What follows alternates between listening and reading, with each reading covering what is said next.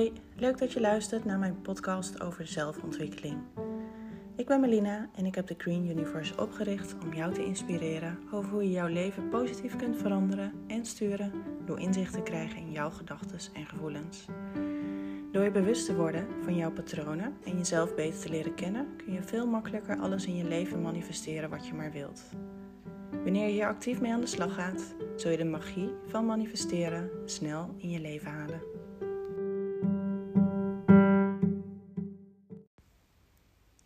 Afgelopen dinsdag op 22 februari 22 ben ik getrouwd.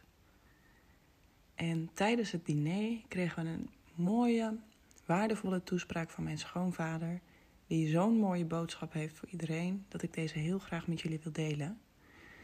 En mijn schoonvader is erg ver in zijn ontwakingsproces en dat is te merken aan de diepgang van deze toespraak, die vol is met liefde. Ik voel me vereerd jullie te mogen toespreken op deze bijzondere huwelijksdag. Het is niet zomaar een huwelijk.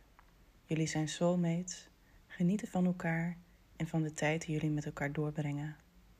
Dat kan thuis, maar ook in verre oorden, zoals Curaçao, Dubai en komende week in Mexico.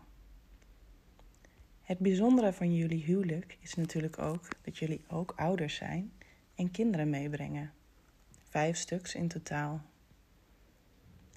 Kinderen groot laten worden is niet alleen maar leuk en uitdagend, het is ook een aardige klus met veel valkuilen.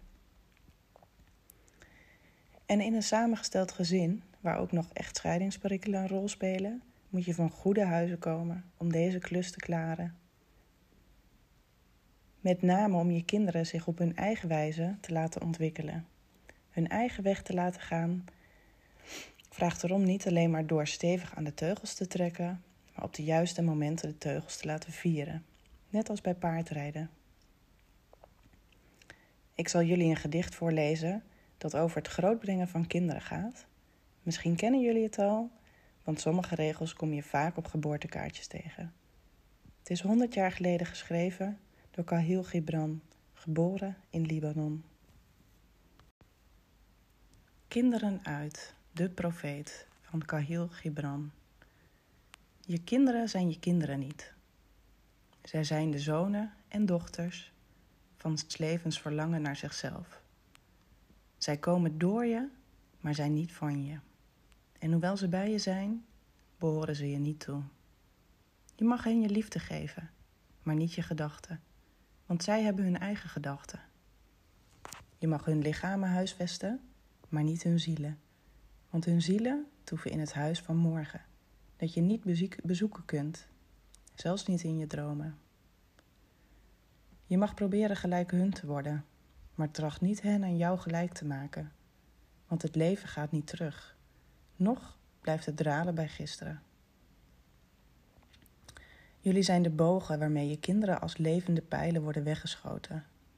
De boogschutter ziet het doel op de weg van het oneindige en hij buigt je met zijn kracht opdat zijn pijlen snel en ver zullen gaan. Laat het gebogen worden door de hand van de boogschutter, een vreugde voor je te zijn. Want zoals hij de vliegende pijl lief heeft, zo bemint hij ook de boog die standvastig is. Kinderen worden jullie geboren en jullie hebben de zorg voor hun welzijn toevertrouwd gekregen. Je dient te zorgen dat ze warm en veilig zijn en zich geliefd en gezien weten. Je mag ze niet tot een kopie van jezelf maken of in hen projecteren wat je zelf tekort bent gekomen in je leven, of van hen verwachten dat ze aan jouw behoeften te voldoen. Kinderen opvoeden is een van de meest toegewijde levenstaken die je op je kunt nemen. Zij zijn jullie plicht. Ze zijn van je afhankelijk en tegelijkertijd dienen ze tot onafhankelijke wezens op te groeien. Helaas komt het nog voor dat ouders zich van deze taak onvoldoende bewust zijn, het licht opvatten of deze taak verwaarlozen. Jullie waren ooit zelf een pijl, nu ben je ook de boog. Jullie prachtige kinderen trekken eigen sporen in hun tijd van leven hier op aarde. Zij hebben hun eigen opdrachten en taken te doen.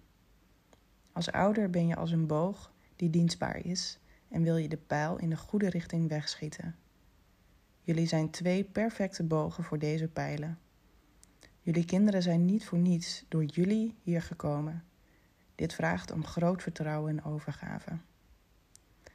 We vinden dat jullie het tot nu toe geweldig hebben gedaan. We hebben er alle vertrouwen in dat de kinderen bij jullie krijgen wat ze nodig hebben, nu en in de toekomst. En wat achteraf nog even grappig is om te vermelden, is dat uh, mijn vriend één keer ayahuasca heeft gedaan. En tijdens deze ceremonie um, kwam hij tot het inzicht, of heeft hij te horen gekregen, dat uh, zijn kinderen niet zijn kinderen zijn, maar dat ze, hij slechts hier is om ze te begeleiden. En dat was het thema van uh, zijn ayahuasca-reis. En hoe bijzonder is het dat zijn vader nu een speech schrijft voor onze bruiloft waar ditzelfde thema in terugkomt. Vond ik nou wel even leuk om te vermelden.